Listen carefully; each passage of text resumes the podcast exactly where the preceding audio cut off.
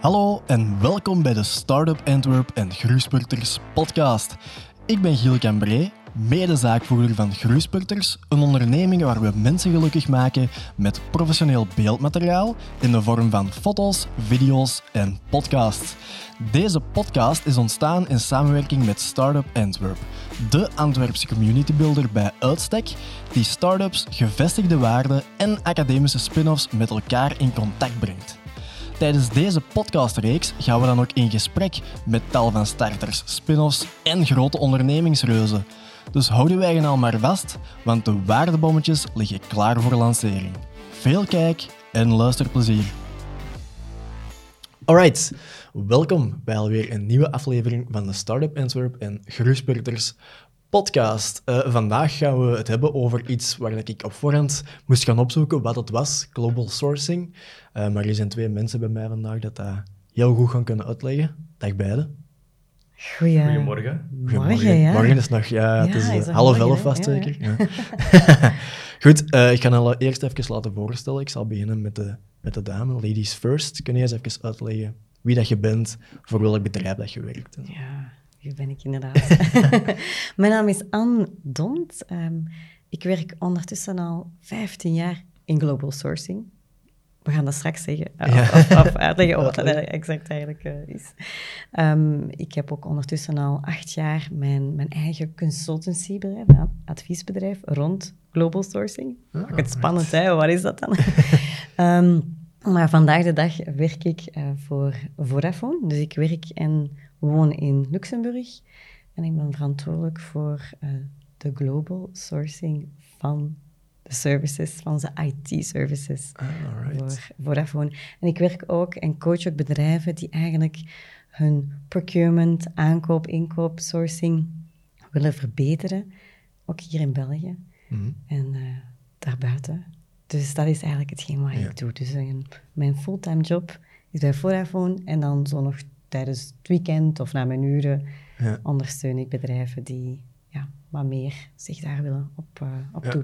toespitsen op hun sourcing. Ja, nu Vodafone, Vodafone doet bij mij wel een, een belletje rinkelen, maar zou je misschien eens even kunnen uitleggen? In België kennen we Vodafone eigenlijk niet zo goed, maar kennen we mhm. Proximus mm -hmm. of Telenet. Hè. Dus uh, Vodafone is de grootste tot nu toe telecom-provider, maar ook een van de grootste competitors van Google of um, Microsoft. Hè, dus uh, IoT, hè, dus Internet, of Things, hè, zijn ze heel erg mee bezig.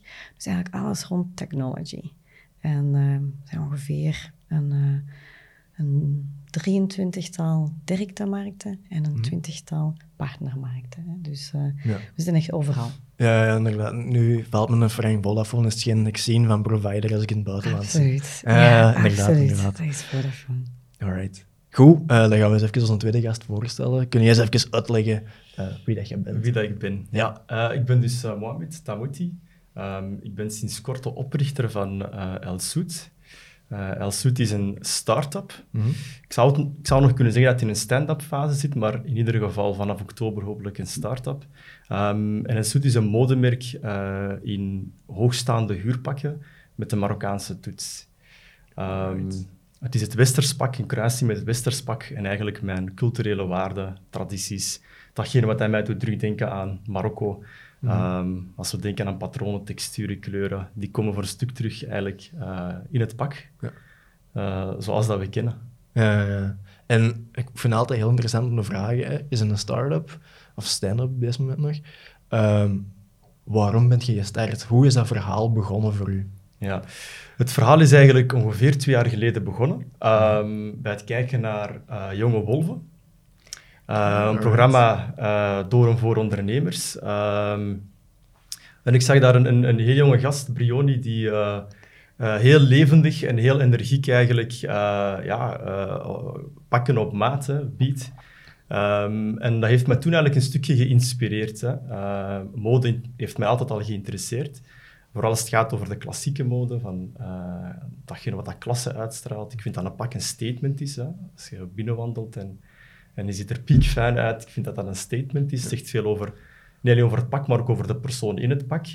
Ehm, en dat heeft me sindsdien eigenlijk een beetje zo vastgegrepen en ik ben dan beginnen verkennen van wat is de mode eigenlijk. Want ik ken het vanuit één bril als klant. Ik stap een winkel binnen en ik koop iets. Hè. Eh, dat is het eindstation van, van datgene wat ik eigenlijk koop. Hè. Tenzij dat weer komt in een, in een uh, circuit van tweedehandskledingen, dan, dan gaat dat station blijven doorgaan. Maar in ieder geval, vanuit die bril keek ik naar mode. Maar ik wilde eigenlijk zien van, hoe is het eigenlijk achter de schermen? Wat als ik een maker ben? Wat als ik een bedenker ben van iets? Hè? Uh, en dan ben ik eigenlijk die sector beginnen verkennen.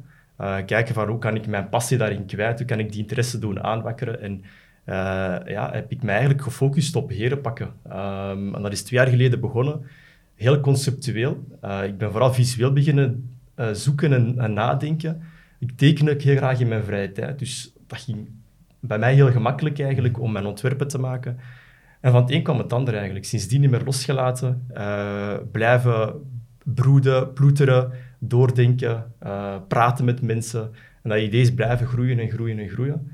Het heeft een beeld gekregen en dan heb ik me erin vastgegrepen. En nu, twee jaar later, ben ik heel dicht bij het officieel lanceren van mijn, uh, van mijn onderneming. Spannend, hè? Ja, toch wel heel spannend. Ik heb al een pre-launch gedaan op sociale media, gewoon om al toch wat volgers bij elkaar te mhm. krijgen en mensen te prikkelen. Um, en? Maar ja, een mooie respons ook. Ja. ja en uh, het geeft mij een goed gevoel eigenlijk. Um, het, het, ja, het, um, het geeft een, krachtige drijfveer om te blijven doorgaan ook. Uh, maar het geeft ook zo'n gevoel van ik kan niet wachten om alles te tonen. Uh, ja. Van datgene wat dat... We kunnen ook niet wachten. dus uh, voilà. Ik weet, voor, voor de start van deze podcast hebben we het gesproken over eventuele potentiële trouwplannen of zij die getrouwd zijn. Dus uh, ik probeer hier daar ook wel te vissen naar mensen en klanten en zien van oké, okay, remember El Soet, moest je op zoek gaan naar een huurpak hè, uh, voor eender welke gelegenheid, ja. formeel of informeel. Uh, het ja, want ik weet, er is eigenlijk maar één in Antwerpen, dus kijk hoe dat je dan daar de competitie mee kunt aangaan. Ja, absoluut. Ja. Zit je momenteel in Antwerpen? Ja, ja ik ben, um, ben gevestigd in Antwerpen, op het Zuid. Uh, dus ik heb met heel veel geluk een heel mooie locatie gevonden die, die helemaal in lijn is met mijn visie, met het merk ook, uh, waar ik voor wil staan. het gevoel dat ik klanten wil geven als ze binnenwandelen, dus... Mm dat, dat zit wel goed. Ja, ja. ja nu, hoe bent je, want je zei dat je aan broenen en aan ploeteren geweest bent. Hoe bent je eigenlijk, of waar bent je op zoek gegaan naar die informatie? Is dat Google geweest? Is dat YouTube? Is dat, eh, waar bent je met die mensen in contact gekomen dat dat wisten? Hoe heb je dat aangepakt? Wel, ik denk, eh, net zoals iedereen eigenlijk, is Google vaak uh, ja, het eerste wat we gaan raadplegen. Dus inderdaad, beginnen googlen eigenlijk. Um, kijken van, ja, wat is de modesector of de modebranche? Wat houdt dat juist in? Ik um, ben ook op zoek gaan naar modeontwerpers. Hè. Mm. Wat inspireert hen eigenlijk? Um, dan begin ik ook beginnen doorgaan op het stuk rond global sourcing eigenlijk. Uh, is wat als ik iets wil laten produceren, van, kan het in het binnenland? Moet ik zoeken bij mijn buurlanden of moet ik verder zoeken dan dat? Dus dat stukje is er altijd bij komen kijken. En dat is wel heel uitdagend geweest. Hè. Dat is gewoon een heel interessant parcours geweest voor mij. Uh, omdat ik in twee jaar tijd eigenlijk uh, zoveel verschillende contacten heb gemaakt, in verschillende talen eigenlijk, over verschillende landen. Zoek het naar iets waar ik heel weinig kennis over heb, maar het toch wel op tafel kunnen leggen. Ja. En, uh, en in conversatie kunnen gaan met die mensen. Um, en dat is tot nu toe heel leerrijk geweest. Absoluut. Ja, ja denk ik wel. Dus ja, het, het, het, is een kwestie van eigenlijk... Um, ja, er, er, er, niet van, er niet van uitgaan dat je het niet zou kunnen klaarspelen. Hè. Ik, denk, ik denk dat je vooral moet geloven eigenlijk in je product, vooral geloven in je idee ook. Mm. En dat op een krachtige manier kunnen overbrengen. En alles wat betreft terminologie en kennis en alles wat dat ze naar je toesmijten, uh, pak het mee. Pak het gewoon mee, ook maar durf ook bescheiden opstellen. Want mm. ik heb echt wel geleerd doorheen mijn parcours eigenlijk dat dat, dat echt wel oké is dat je nog geen 15 of 20 jaar ervaring hebt in de sector. Maar mm dat je wel eigenlijk echt achter je idee staat, achter je product staat. En er zijn er zij die echt in geloven en bereid zijn om samen met je te gaan zoeken. Maar er zijn er ook natuurlijk die, die voelen van, hmm, die is nog in een te vroeg stadium eigenlijk om echt mee in zee te gaan. En dat is oké. We voelen dat niet beledigd, pak het niet persoonlijk op en blijf gewoon verder zoeken. Ja, voilà. Nu, en, we hebben, je hebt ons een beetje op hete kolen gezet, uh, door even niet te zeggen wat dat global sourcing is. Je hebt het ook al net aangehaald. Ja, een stukje. Um, leg het eens uit. Wat is global sourcing eigenlijk? Absoluut. Ik zal het af van, van begin tot het einde. Eigenlijk, zoals ik al heel kort aangaf, global sourcing kan je ook of, of, wordt in de volksmond ook, uh, of in de businessmond dan, gezegd rond uh, procurement, aankoop, inkoop. Dus wat is dat exact? Om in één woord te zeggen, het matching van je leveranciers die je als scale-up, start-up of bedrijf nodig hebt met hetgeen wat je zoekt. Dus wij noemen dat dan business requirements of technical requirements. Dat is eigenlijk heel eenvoudig uitgelegd wat dat sourcing is. Hè. Dus um, welk bedrijf dat je ook doet, je hebt eigenlijk twee grote categorieën in sourcing. Ze noemen dat vaak direct uh, sourcing. Dus dat is gelinkt aan de core van je business. En je hebt indirect sourcing. Dat zijn vaak je services of, of zaken die minder gelinkt zijn aan de core van, van je bedrijf. Ik ga een voorbeeld geven. Hè. Mhm. Dus heel concreet, ik denk dat uh, we zijn hier in België. Ik heb ook uh, het, het genoegen gehad om voor Barry Callebaut te werken. de chocolate manufacturer. Dus ik ga misschien daar echt heel kort zeggen wat dat exact is. Hè. Dus mhm. als je daar kijkt naar direct sourcing, dat is de cacao die men gaat sourcen. Dus je gaat gaan zoeken waar kunnen we de cacao gaan aankopen. Gaan we dat rechtstreeks doen van de boeren in bijvoorbeeld Afrika of gaan we dat via derde partijen doen? Naar melk, sugar, dus allemaal de ingrediënten. Dat is echt direct sourcing, want we willen chocolade als eindproduct hebben. Ja, dat is eigenlijk direct sourcing. Indirect sourcing wil eigenlijk zeggen, ja, ik heb daarvoor natuurlijk om een productie te doen, heb ik machines nodig. Ik heb IT-systemen systemen nodig. Ik heb HR nodig. Ik heb marketing services nodig. Dus bij allemaal die services of die zaken die je nodig hebt, waarbij je een derde partij bij gaat zoeken, voilà, daar ga je dan gaan sourcen. Je gaat meestal in bedrijven of scale-ups of start-ups, scale-ups en start-ups gaan dat nog zelf doen. Hè. In, in, een, in een hmm. beginfase fase gaat uh, de ondernemer heeft duizend patches op en heeft ook het petje op van sourcer of van aankoper of inkoper, hoe dat je het ook uh, noemt.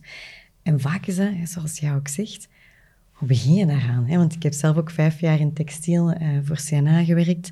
En natuurlijk, die hebben al zoveel leveranciers, al, al duidelijk in India en Bangladesh en Turkije, mm -hmm. alle leveranciers gevonden. Maar als je begint, ja, Google is your best friend, maar je netwerk is natuurlijk ook je best friend. Maar ja, als je googelt en ik wil bijvoorbeeld textiel inkopen, ja. ja, ik ga waarschijnlijk direct in, in China terechtkomen. Misschien wil ik helemaal nog niet mijn Chinese leveranciers gaan werken. Of misschien zijn die volumes, moet ik ineens duizend pakken gaan bestellen. Hè? Of, of. Dus hè, die matching van mhm. hoe ga je je derde partij of leveranciers gaan matchen wat jij nodig hebt, dat is eigenlijk global sourcing. Ja, en je zegt dat dat, dat er gewoon uitdaging is uit het voorbeeld van China, dat je daar grote oplages moet werken. Zijn er voor uh, starters, want voor starters is het inderdaad nogal moeilijk om direct, jij zet er nu een goed voorbeeld van, direct naar die global sourcing te gaan. Maar zijn er voor starters uh, manieren waarop dat we toch gemakkelijk ons, ons eerste teentje in het water kunnen steken met global sourcing? Het belangrijkste is, is dat je eigenlijk wat dat vaak bedrijven doen, is heel erg gefocust zijn op sales. Dus dat is het eerste. Uiteraard, revenue, omzet moet binnenkomen. Maar wat ook heel belangrijk is in een bedrijf, hè, als je de basis eigenlijk van financiën is, je hebt je, je omzet, maar je hebt ook je kosten. En als je naar je kosten gaat kijken, moet je die proberen te optimaliseren. Hoe ga je die optimaliseren? Is om te zien welke van jouw en dan kijken we in sourcing naar jouw leveranciers. Mhm. Welke van jouw leveranciers zijn eigenlijk de beste met jouw noden? En als start-up of scale-up is eigenlijk je eigen netwerk al een heel goede eerste start. Hè? Dus wie ken ik of, of via welke personen ehm, kun je eigenlijk ehm, een, een, bepaalde service of product gaan, gaan aankopen? Mhm.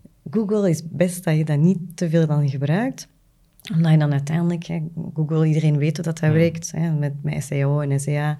Uh, dus eigenlijk de, de grootste in, in de wereld hè, komen op, op de eerste pagina. Dus de kleinere uh, leveranciers ga je niet vinden. En dat is eigenlijk, en dat is absoluut ook een tip die ik altijd zou meegeven, als je als kleine bedrijf start, werk met kleinere bedrijven ook. Hè? Dus, uh, zodat je um, een belangrijke klant voor hen werd, wordt. Hè? Dus uh, dat je een juiste matching hebt. En gewoon gaan, al eens gaan oplijsten, wat heb ik eigenlijk nodig van derde leveranciers, producten, services, om mijn bedrijf te runnen. Gewoon dan dat oplijsten zoals je met klanten doet. Ja. En de meeste hebben A, B, C klanten. Je top 1 hè, of, of, of, of, je, je focus van klanten doet dat ook voor jouw leveranciers. Mhm. En zo ga je de kosten onder controle houden en zo ga je uiteindelijk meer winst gaan maken. Ja, ja. ja, Dus dat is het, uh, het idee. Is dat iets dat jij ook doet, Mohamed? Zo uh, meer met die kleinere leveranciers werken? Of hoe werk jij vandaag? Wel, ik herken mij heel hard in het verhaal dat Ine aan eigenlijk hier naar voren schuift. Is, mhm. Ik heb daar ook in moeten zoeken heel hard. En um, inderdaad, zo de, de grootste bedrijven die komen dan bovenaan uh, Google-lijsten staan. Dat zijn vaak de eerste linken die dat je raadpleegt. Hè. Um, maar ik denk dat je ook in een zekere zin wel um, ook soms ja, logisch verstand moet gebruiken en ook goed, goed, goed moet doorlezen wat, welke informatie schuift me naar voren. Weten dat van inderdaad, weten dat van die volumes kan ik niet aan als start-up. We zoeken natuurlijk verder. Um, maar het is wel heel uitdagend geweest. Um, ik, heb, um, ik heb met verschillende producenten, zowel grote producenten als zeer kleine producenten gesproken eigenlijk. en ik merkte toch wel dat de, de grootste producenten vaak afhaken ook. En zeer begrijpelijk. Hè. Ik ben dan eigenlijk vooral ook beginnen werken via derde partijen eigenlijk. Uh, dus ik werk nu samen met een agency mhm. dat eigenlijk wel de kennis heeft, wel het netwerk heeft om die heel kleine leveranciers wel uh, te traceren. Want um, ik heb gemerkt dat dat niet zo evident is eigenlijk om in, in, uh, in het buitenland het land, een land wat je misschien nog niet zo goed kent eigenlijk, of het laat staan de industrie. Vaak kennen we toerisme wel ietsje beter, maar dan de industrie is weer een heel ander verhaal. Mhm. Ben ik eigenlijk beginnen werken via een agency. En ik moet zeggen, dat heeft me eigenlijk op zoveel manieren echt vooruit geholpen. Ik heb daar zoveel grote stappen mee kunnen nemen. Um, informatie waar ik misschien weken naar zou zoeken, uh, doen zij twee, drie dagen over. Ehm, en het is inderdaad in het begin wel, wel de afweging van een agency dien je ook te betalen. Ja. Als start-up moet je ook meepakken in je kosten. Uh, daar hangt dus ook een percentage aan vast, hè, uh, waar dat ze ook opstrijken. Um, maar vanuit mijn ervaring mm vind ik dat volledig de moeite waard. Ja, ja, ja. Is dat een beetje het, het verschil tussen een lange termijnsvisie en die korte termijnsvisie? Dat je vanaf moment één eigenlijk al bezig geweest bent met die lange termijnvisie, in plaats van een beetje die bril op te zetten en te zeggen van nee, maar dan moet ik dat beginnen betalen en zo. Ja. Al gekeken naar binnen x aantal jaar ik er echt wel de vruchten van plukken. Absoluut, ja. Ik denk dat je ook wel soms moet durven uitbesteden. Mhm. Ehm, en ik denk, die expertise kan heel waardevol zijn. Um, en hangt er natuurlijk vanaf, hè. Um, ook wat je eigen budget is, de eigen tijd die je kan investeren. Heb je zoiets van, ah, ik wil er gerust drie, vier jaar over doen, voordat ik kom bij mijn lanceringen, um, dan is dat oké. Ehm, ik had voor mezelf gezegd, ik wil het ongeveer twee jaar in een conceptfase hebben en het uitwerken, maar dan wil ik wel lanceren. Ehm, en ik, ik, heb gewoon gemerkt dat het, dat het vooral ook een evidentie is, maar dat ik het, dat ik het me ook wel kon permitteren, in een zekere zin eigenlijk, om te werken via een agency. en ik zeg, het is vooral een heel verkennend gesprek geweest. Hè? En je voelt wel een beetje aan van, wat brengen zij ook? Hè, naar voren eigenlijk, wat dat voor u waardevol kan zijn. Um, dus voor hen ook wel een manier om, om te laten zien van wat kan een agency voor uw bedrijf betekenen. Ja. Um, en tot nu toe eigenlijk uh, kan ik wel zeggen dat dat, dat op heel veel vlakken wel wat, voor mij heeft, echt wel iets heeft kunnen betekenen. Um, ik zeg het zoals de juiste contacten, de taal bijvoorbeeld. Mhm. Soms moet je communiceren in een taal die niet altijd zo even evident is. Want als je kijkt naar de grootste producenten, vaak beheersen zij wel meerdere talen daar kan je gemakkelijk in het Frans, Engels heel gemakkelijk in contact mee gaan. Maar zodra dat je gaat naar, de, vanuit mijn ervaring, zodra je gaat naar de iets kleinere leveranciers eigenlijk, moeilijk te vinden ook, maar soms ook heel lokaal. En, en dan, dan zijn er vaak ook taalbarrières. Hè. Uh, Omdat die juist niet zo internationaal werken, uh, merkte ik toch wel dat er, dat er ergens toch wel een, een brug moet zijn. hè. Mhm. Uh, in taal ook, of in, toch in een verstandhouding, wat betreft mijn ideeën, wat betreft business. Ehm, en door met zo'n tussenpersoon te werken, eigenlijk, uh, kan je dat deels verhelpen. Je moet dat ook deels op jezelf opnemen. kan ook voor jezelf een leermoment zijn en zoeken van hoe ga ik dat zelf oplossen. Ehm, maar voor mij is het vooral een een verhaal geweest. Een deel uitbesteden en een deel ook zelf opnemen en zelf zoeken. En kijken waar kan ik in bijleren. Ja, ja, ja. Nu, ik ga niet vragen een percentage te plakken, maar ehm, als we kijken naar ratio buikgevoel en eh, de services dat die een, dat bedrijf dan voor u aanbiedt, hè, die een tussenpersoon, Ja. wat ligt, het hoogste? Was voor u het, het belangrijkste dat je er een goed gevoel bij had, of welke services dat ze aanbieden? Vooral de services. Ja. Ehm, ja, op zich een goed gevoel is ook wel heel belangrijk. Ik Mhm. denk dat het vooral samengaat ook. Eh, ik denk dat je ook je buikgevoel moet volgen in een zekere zin eigenlijk. Eh, want je werkt daar heel nauw mee samen. Ja. Dat wel. Hè. Dat is echt dagelijks contact dat ik met die mensen heb. Ehm, maar vooral de services. Ehm, in de zekere zin van wat kunnen ze voor u klaarspelen ook. In, hoe snel kun je dat klaarspelen, hoe betrouwbaar ook. Ehm, en natuurlijk, ja, denk als ondernemer is, ehm, ook al ben je een start-up, is durf ook gerust te onderhandelen in een zekere zin. Mhm. ja? Ehm, en niet gewoon de, het percentage geven wat dat er gevraagd wordt. Hè? Probeer ook echt wel in gesprek te gaan en te onderhandelen. Hoe lager dat je het krijgt, hoe beter ook. Maar betaal mensen ook naar eerlijkheid. Ik denk dat dat ook heel belangrijk is. Zij die hun werk ook insteken, verdienen ook hè, hun centen. Uh, dus wees daar ook wel ethisch in, uh, in, in je manier van ondernemen. Uh, maar onderhandel. Durf Ja. ook te onderhandelen. Ook al voel je dat je een groentje bent eigenlijk in een wereld vol professionals die, die het heel goed kunnen, kunnen, kunnen vertellen ook. Ja. Maar, maar ga in gesprek. Ja, ja. Is dat iets dat jij ook moet doen aan onderhandelen, dagdagelijks? Dagelijks, ja. Ja, Dus ehm, ik geef ook trainingen en coach ook. En onderhandelen vaak als ik, ehm, als ik zeg wat ik doe, dan, dan is het eigenlijk het eerste naar voren komt. Ah ja, dus jij bent een goede onderhandelaar. Ja, ja. Terwijl ik, ik eigenlijk... Ik, ik heb ook een, cursus daar en, en, en, een, en een boek eh, dat ik aan het schrijven ben over The Art of Negotiation is not to negotiate at all. Hè. Dus Ja, ja, eh, waar gaat het eigenlijk over is, is voorbereiding. Een beetje wat Mohamed ook zegt. Ehm, als je heel goed voorbereid bent wat je exact nodig hebt hè, van derde partijen of van leveranciers, als je goede research doet en weet wat je moet betalen, waar je het moet betalen, ehm, wat ongeveer de prijzen zijn, wat je kan, kan verwachten. En dat is toch als scale-up en start-up ja, hoe begin je eraan? Hè? Dus uh, zoals ik zei, hè, gebruik je netwerk. En tegenwoordig heb je social media waar je zoveel informatie uh, van, van uit, uithaalt. Uh, je hebt uiteraard Brio en, en het Startup Antwerp en, en, en VOCA die, die enorm veel informatie en, en, en mee kan delen en kan, kan halen. Maar voorbereiding, want onderhandelen begint met wees goed voorbereid. Ja, dus als je gaat zeggen, ah, oké, okay, de ene zegt uh, ik wil 10 euro, ah ja, nee, ik wil 5, ah, nee, we gaan landen dan op 7,5.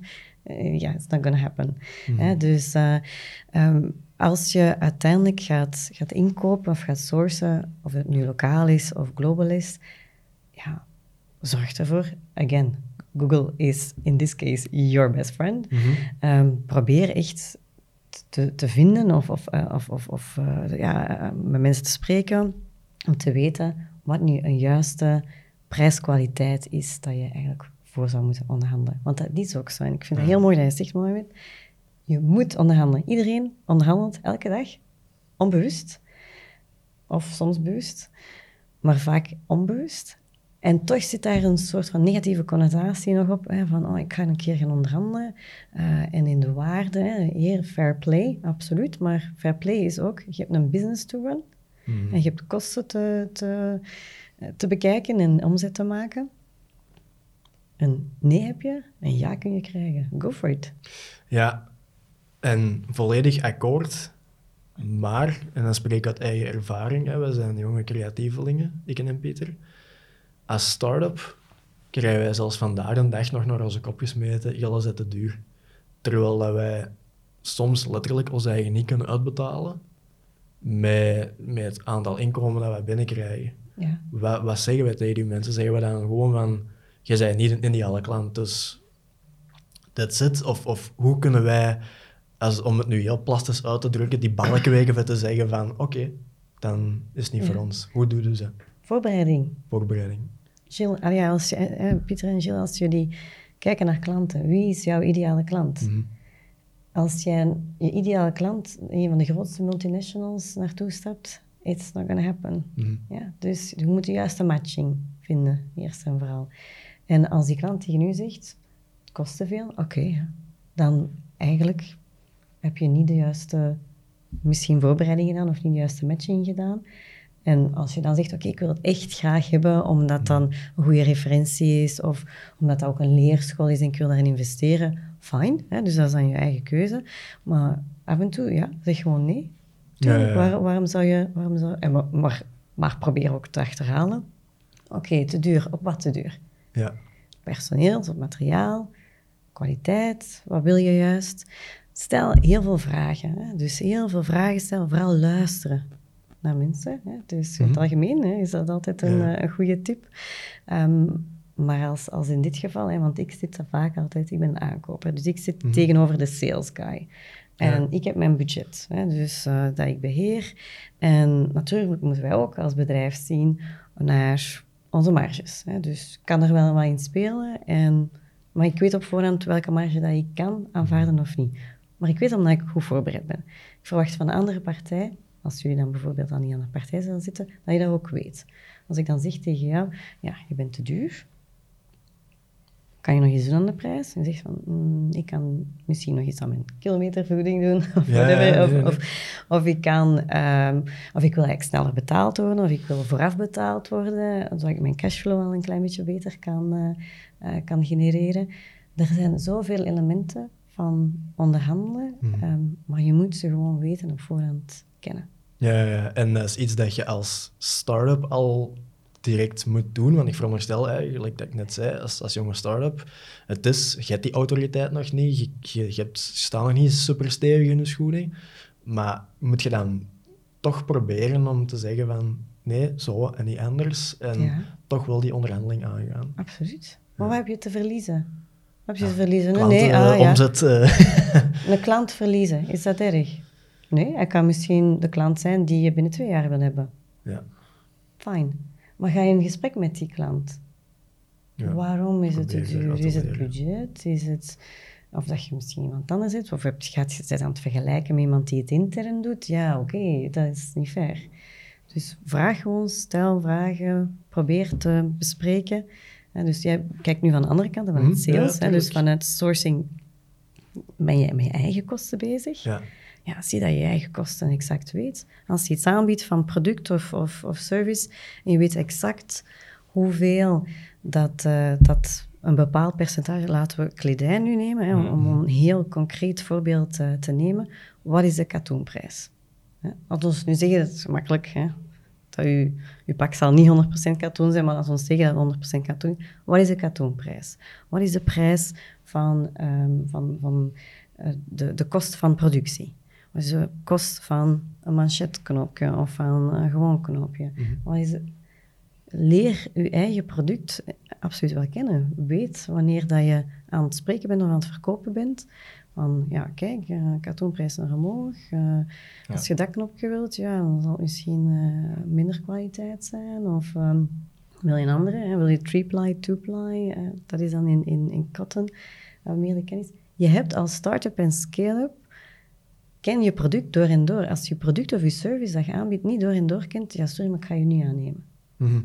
ja, dus ik wil echt wel iemand weten die absoluut expert is.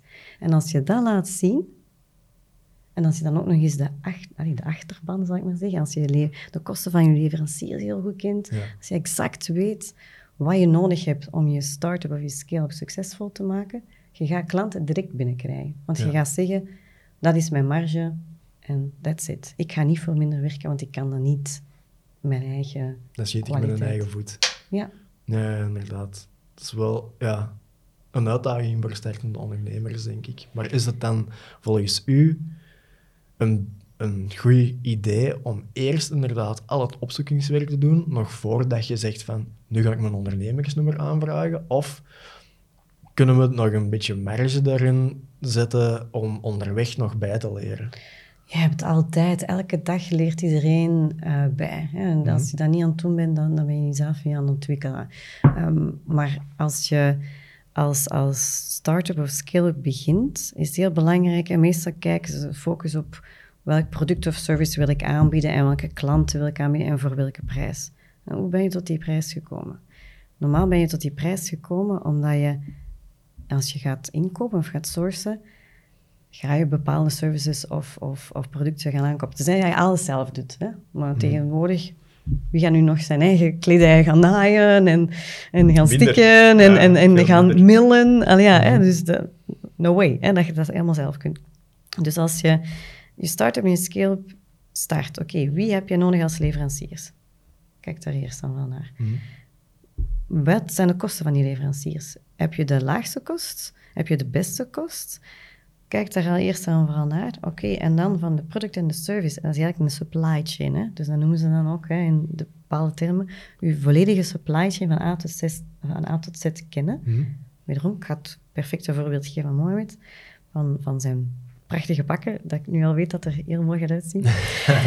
um, is, is van, van, van, het, van, van het aankopen van de raw materials tot wanneer het in de winkel zal hangen bij hem.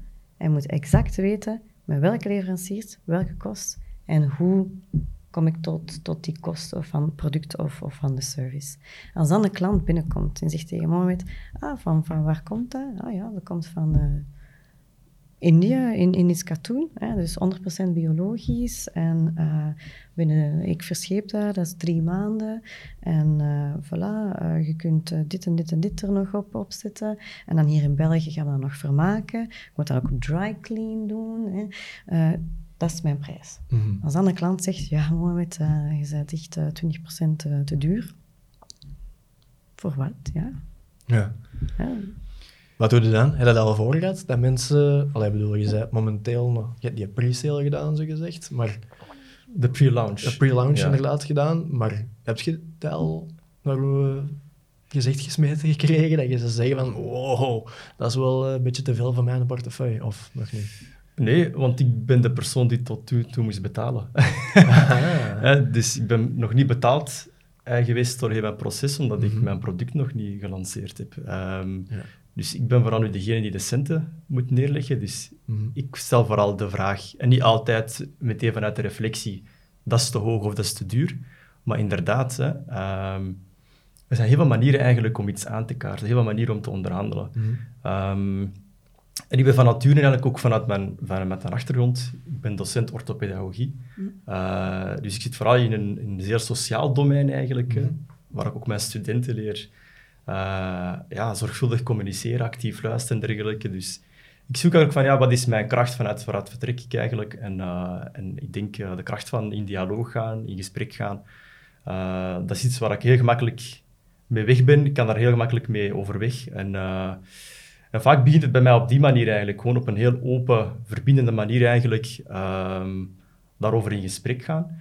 Um, en ik zeg het, ja, soms, soms komt het mij wel tegen moed, maar soms ook weer niet. Maar dan mhm. moet je ook gaan kijken van, oké, waar kan ik eventueel binnen mijn domeinen um, iets doen, uh, ja, iets doen, uh, iets doen weglaten of iets doen, um, iets, iets verminderen bijvoorbeeld, mm dat ik meer budget overhoud uh, om datgene toch klaar te spelen. Uh, dus het vraagt een beetje langs beide kanten, onderhandelen ook, maar aan de andere kant ook, hoe kan je eigenlijk binnen je eigen budget, binnen je eigen ideeën ook realistisch blijven. Hè?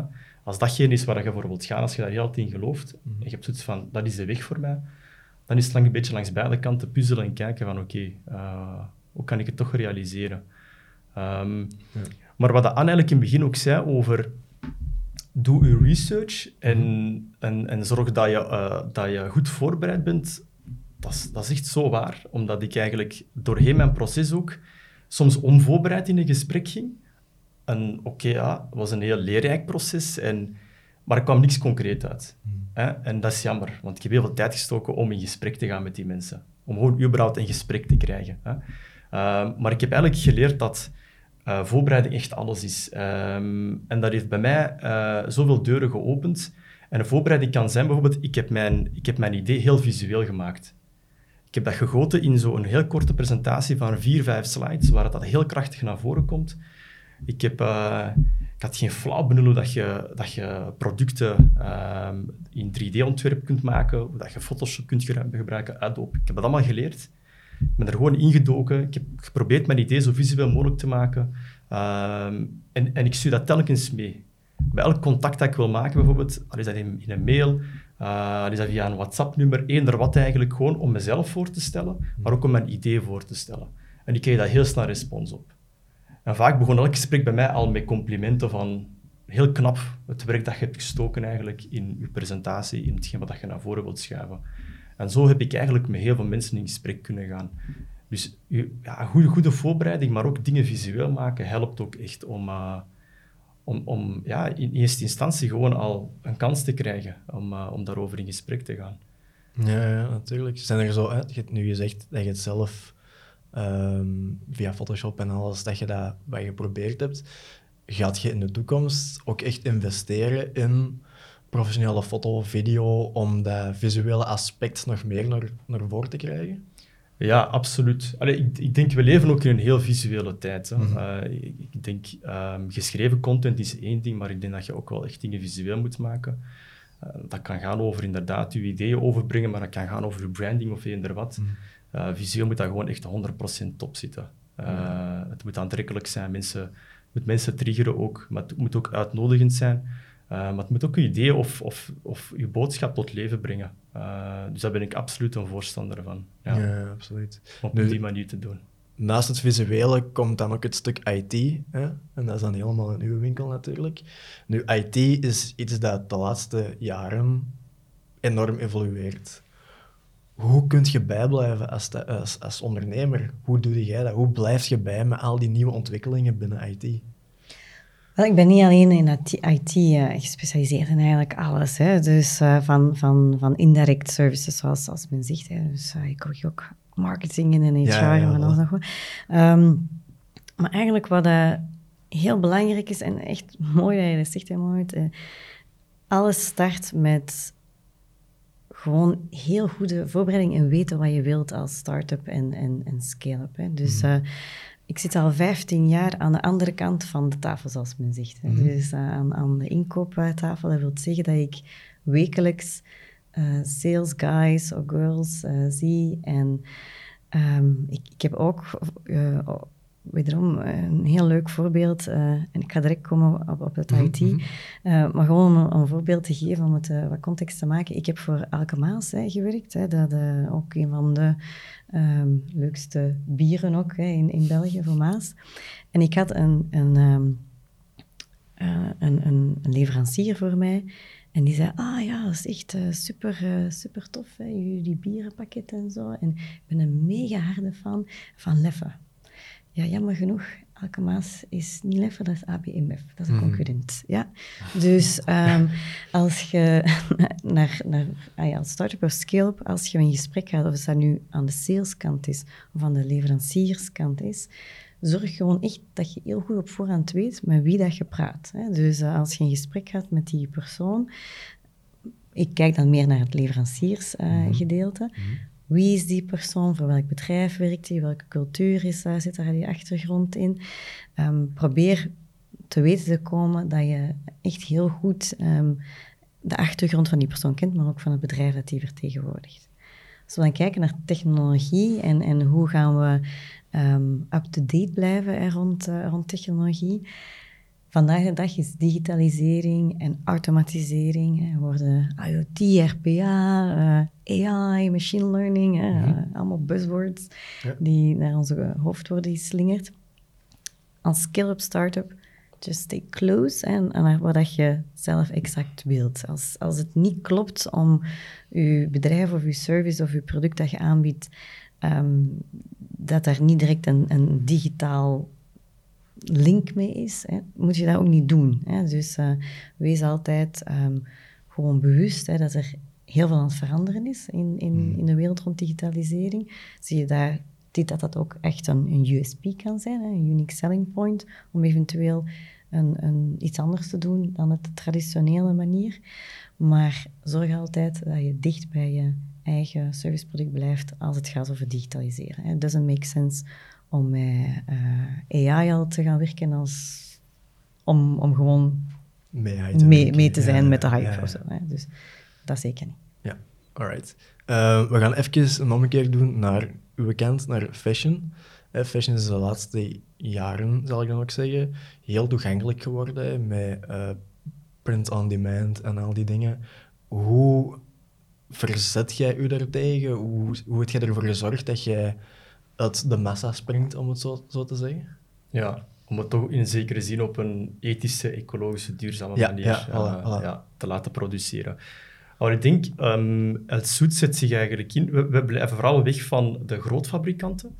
Ehm, en de kostuums worden handgemaakt. Hè. Eh, dus het is een in atelier handgemaakt. Dus het is, een, het is al een heel traag proces ook. Het is lokaal vooral. Ehm, dus in een zekere zin, via die weg, hè, proberen we eigenlijk toch op een ethische manier ook, ehm, ook de pakken te produceren. En ehm, ik denk, ja, de massa is de massa. Hè? Ehm, maar ik zoek mijn eigen weg daarin. Ehm, ik denk, consumentengedrag is hoe dan ook eigenlijk gelinkt aan hoe massa functioneert of hoe, hoe, hoe massa zich eigenlijk eh, ontplooit in de wereld ook. hè. Ja, hoe dat ja. we fashion kopen of hoe dat we omgaan met fashion. Maar ik geloof ook zeer dat er een beweging is, nu hard, bij, bij een hele generatie eigenlijk, die, die veel ethischer of veel duurzamer willen kopen, willen denken, willen leven. Ehm, dus ik denk dat, we, dat, dat elk merk of elke persoon eigenlijk daar een verantwoordelijkheid in heeft. Ehm, en wat, dat, wat dat ik vooral probeer via El Soet eigenlijk, is, eh, is ja, eigenlijk via vooral ehm, ja, via eh, lokale producenten, kleinproducenten eigenlijk, eh, die echt nog bij de ambacht blijven eigenlijk van het maken van een pak, probeer ik via die weg eigenlijk het wat ecologisch en duurzaam te houden. Ja, inderdaad. Dus je zei al dat je een fysieke winkel had eh, in Antwerpen op Zuid. Dus dat wordt dat ook uw enige manier om de, de pakken te verkopen? Of gaat je ook een webshop opstarten? Of hoe zit dat? Ah, wel, ik verhuur de pakken. Alright. Ja, dus ik heb eigenlijk al doorheen mijn proces eigenlijk al een concurrentieanalyse gedaan Mhm. op basis van, oké, wie verkoopt er hier kostuums? Mhm. Ehm, wie zijn mijn concurrenten? Ehm, op basis van prijs, kwaliteit, service. Eh, ik heb dus eigenlijk een hele analyse gemaakt van, oké, binnen welk domein wordt er nog te weinig gedaan? Ja. Ehm, en, en uit die analyse is voortgekomen dat eigenlijk het verhuren van hoogstaande pakken eigenlijk, eh, die ook nog eens ja, een, een eigen touch hebben, een eigen identiteit hebben, dat, dat die vijf eigenlijk nog vrij leeg is. Mhm. Ehm, dus ik ben mij daarop beginnen gaan focussen. Ehm, en het voordeel is, ik ben van Marokkaanse origine. Mhm. Wat betreft bijvoorbeeld alle feestelijke evenementen. Ehm, we hebben wekelijks binnen de gemeenschap misschien tien trouwfeesten, als ik het zo mag zeggen. Maar ho- hoe dat je het ook draait of keert, is, er zijn heel veel feestelijke evenementen binnen onze gemeenschap ook. Ehm, niet enkel, als we het nu hebben over trouwfeest, niet enkel over het trouw, maar we hebben ook over een verloving, dan hebben we over een hennafeest, de dag voor het trouwen, dan hebben we het trouw zelf. Een man moet er goed uitzien. Ja. Je hebt een pak nodig. Mhm. Ik kan kiezen om drie pakken te kopen, of ik kan kiezen om bij een soet langs te komen en vanuit een collectie elke keer een andere keuze te maken en er nog steeds stralend uitzien. Ehm, dus ik wil op die manier eigenlijk min of meer een gat opvullen Mhm. naar mijn gemeenschap toe. En daarbij natuurlijk, hè, zij die daar hè, geïnteresseerd in zijn, zij die dat mooi vinden, Ja. echt iedereen welkom. Maar in ieder geval, ik heb mij eigenlijk gefocust op een taakgroep, een niche, en ik had zoiets van, ah, ik ga pakken verhuren. Ja, En ik ga ervoor zorgen eigenlijk dat dat gewoon bijreispakken zijn. En dat, dat huren gewoon ook hip is. Dat huren gewoon kan. En je kunt er ook gewoon heel klassevol uitzien in een huurpak. ja, inderdaad. Is dat iets dat je als starter zou aanbevelen? Eén, om probeer het gat in de markt te zoeken, maar twee, om ook te gaan voor een niche in plaats van breed te starten? Ja. Ehm, ja, ik, ik heb daar geen grote uitspraken over van waar start je nu best eigenlijk. Ja. Ehm, maar om het voor mij controleerbaar te houden, Mhm. heb ik mij gefocust op een niche. Ja. Heb een taalgroep eh, bepaald, een niche eigenlijk, wat wil ik naar voren brengen. Ehm, en ik heb het dan nog eens vernauwd naar niet verkopen, maar verhuren. Mhm. En dat werkt voor mij. Ja. Dat werkt voor mij heel hard. Hè. Ik weet dat er ook ondernemers zijn die eigenlijk ja, producten op de markt brengen die veel breder gaan dan dat, hè, voor een zeer grote klantengroep. Soms eh, zelfs iedereen. Hè. Ehm, en als het werkt, dan werkt het heel mooi ook. Hè. Ehm, maar ik ben doorheen mijn traject eigenlijk eh, ja, tot de conclusie gekomen eigenlijk dat ik mij beter kan gaan focussen op, eh, op een niche. Ehm, ik heb bijvoorbeeld bij Brio ook een ondernemerstraject gevolgd eigenlijk. Dus ik heb ook, ben ook tien weken gecoacht geweest hè, uh, door Brio-coaches mm -hmm. in een stand-up fase. Dat is ook zeer leerrijk geweest. En daar heb ik geleerd eigenlijk om die analyses te maken. Ja. Om te kijken ook naar je financieel plan, maar ook naar een concurrentieanalyse te maken. Om uh, ook al vooruit te denken van oké, okay, op lang termijn of op kort termijn, waar, waar wil je dat El Soet naartoe gaat en zo verder. Um, en daar heb ik ook geleerd van wat is eigenlijk de kracht van een niche, van een doelgroep afbakenen, een product uh, en daarop te gaan focussen. Um, want ik wil er eigenlijk, ik wil, dat, ik wil het idee eigenlijk uh, groter maken dan enkel het product. Um, het pak is één ding, maar bij mij gaat het ook vooral over de persoon in het pak. Hmm. Dus ik wil heel hard met Soet eigenlijk ook een soort community uitbouwen van gentlemen. Ja. Hè, de man weer terugbrengen in zijn klasse. Uh, maar waar dat wij ook als mannen onder elkaar eigenlijk in ons beste pak ons kunnen tonen. Maar dat we ook leren van wat is het eigenlijk om man te zijn, hmm. maar in een gezonde manier. Hè. Ik heb soms het gevoel dat dat soms heel, nog heel vaak zoek is. Um, praten wij genoeg met elkaar? Connecteren wij genoeg met elkaar? Um, durven wij verder gaan dan datgene wat oppervlakkig ligt? Hè? Um, en ik wil eigenlijk een soort gemeenschap uitbouwen waarbij dat je bij een zoet community hoort. En dat kan gaan via evenementen die we organiseren, netwerkevenementen, in je beste pak. kan gaan rond podcast-evenementen in je beste pak. Mhm. En gewoon connecteren. Gewoon het gevoel hebben van, oké, wie ben ik? Wat is mijn identiteit? Wat vertelt het pak over mij? Maar ook over de persoon zelf. Um, dus op die manier wil ik eigenlijk zo verschillende dimensies koppelen eigenlijk aan de onderneming. Um, waar ik in een zekere zin dat stukje ook kan uitbouwen. Dat zijn grootste plannen, hè, moment. Ja. ja, je moet groot dromen, denk ik. Hè? En uh, ik neem het stap per stap. Ja. Uh, ik gooi nu inderdaad met heel grote plannen. Mm -hmm. maar ik ben er 100% van overtuigd dat ik het kan realiseren.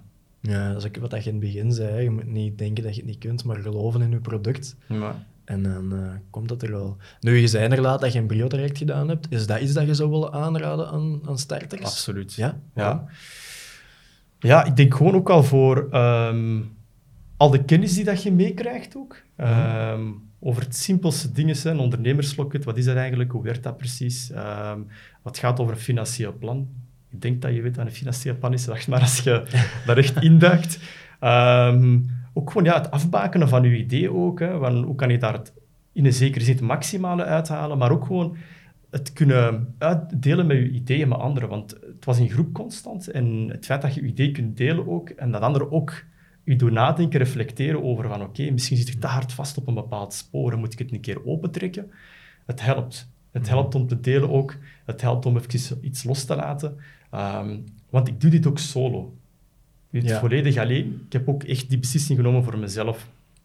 Dat ik nu op zoek ga naar een partner, dat ik het helemaal alleen wil doen. Mhm.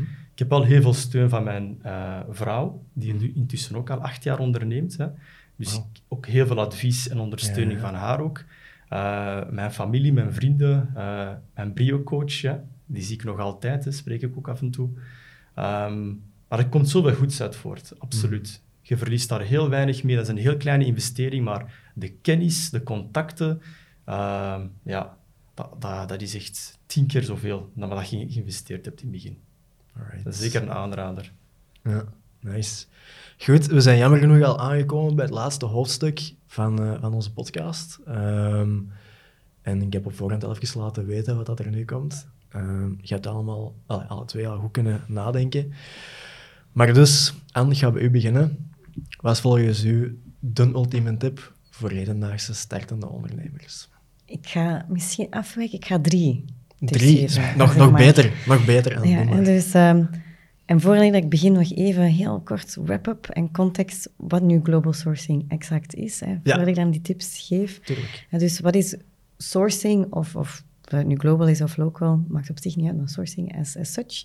En dus het wordt soms gebruikt als procurement, aankoop, inkoop. En dat is eigenlijk uw uh, leveranciersportfolio mhm. mhm. gaan nakijken.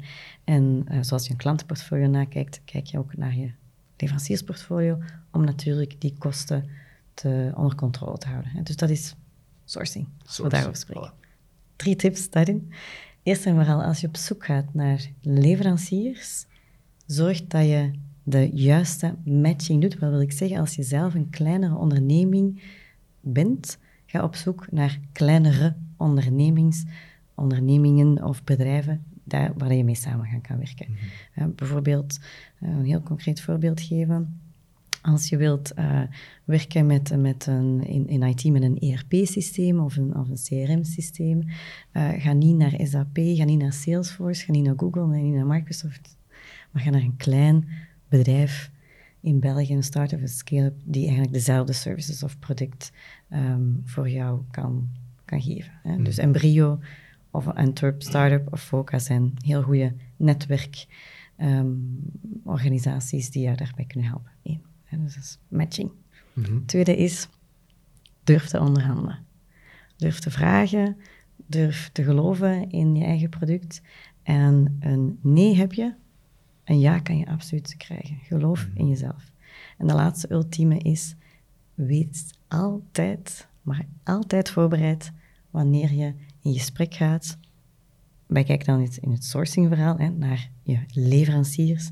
Als je met leveranciers rond de tafel zit, weet exact wat je nodig hebt qua requirements, business technical requirements.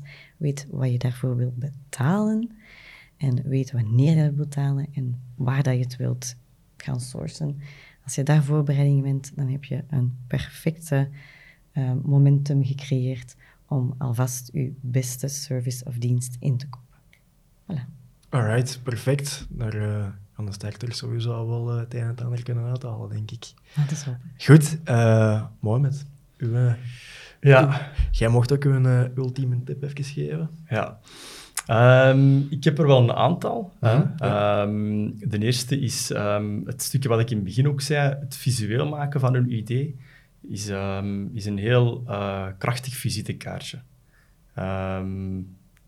dus zoek naar manieren eigenlijk om, om je idee in een zekere zin visueel te maken. Mm. de tweede tip die ik wil meegeven is durf je idee ook te delen met mensen. tenzij dat je de nieuwe Apple bent, dan moet je misschien gaan kijken naar hoe kan ik uh, vertrouwelijkheidsdocumenten opstellen en dergelijke. Maar um, wat ik vooral geleerd heb eigenlijk is um, het, het, willen vasthouden, een idee, het of niet durven delen met anderen, met de schrik dat ze ermee gaan lopen, is, is klein. Mm. Um, dat is puur vanuit mijn ervaring. Hè. Ja, Deel het ja. met mensen ook, omdat je soms andere denksporen ziet. Hè. Maar ik denk het derde stukje is, vind ik wel een heel belangrijk is bij het sourcen. Um, is afhankelijk van wel, welk land, is leer ook de cultuur kennen. Leer ook de, de, de, ja, de way of living of the way of business uh, kennen. Um, ik, heb, ik heb met mensen gesproken in Marokko, in Portugal, in Turkije, in India. En, en dat verschilt zo hard. Hè. Ja. Um, en niet enkel in tijd, hè, de tijdzones, maar ook gewoon in, in uh, een manier van een gesprek starten, een gesprek eindigen. Um, de manier hoe dat ze omgaan rond bepaalde thema's. Dus een stukje ook wel uh, ja, de omgang van mensen ook wel leren begrijpen. Dat is een heel belangrijke. Alright, super. Dan wil ik alle twee heel enorm hard bedanken om uh, even naar hier te komen en om uitleg te komen doen ik ben in ieder geval een pakje wijzer geworden. Ik weet nu wat dat global sourcing is. Uh, en hoe ik met onze start-up groeispelers, hoe we daar eventueel aan global sourcing kunnen doen. En dat ik altijd goed voorbereid moet zijn. Dat weet ik nu ook. Dus dikke merci. Ik hoop dat je alle twee nog alles kunt verwezenlijken dat je wilt verwezenlijken. Mohamed, ja, man, binnen een paar maanden is het zover. Of binnen, wanneer is het? Een paar weken zelfs. Oktober, ja. Oktober is het zover. Spannend. Ja, Heel veel succes. Dankjewel. En uh, Anne, succes met alles wat je nog mee bezig bent. En alles wat je in de toekomst nog gaat doen. Dankjewel. en voor de mensen thuis, tot de volgende keer.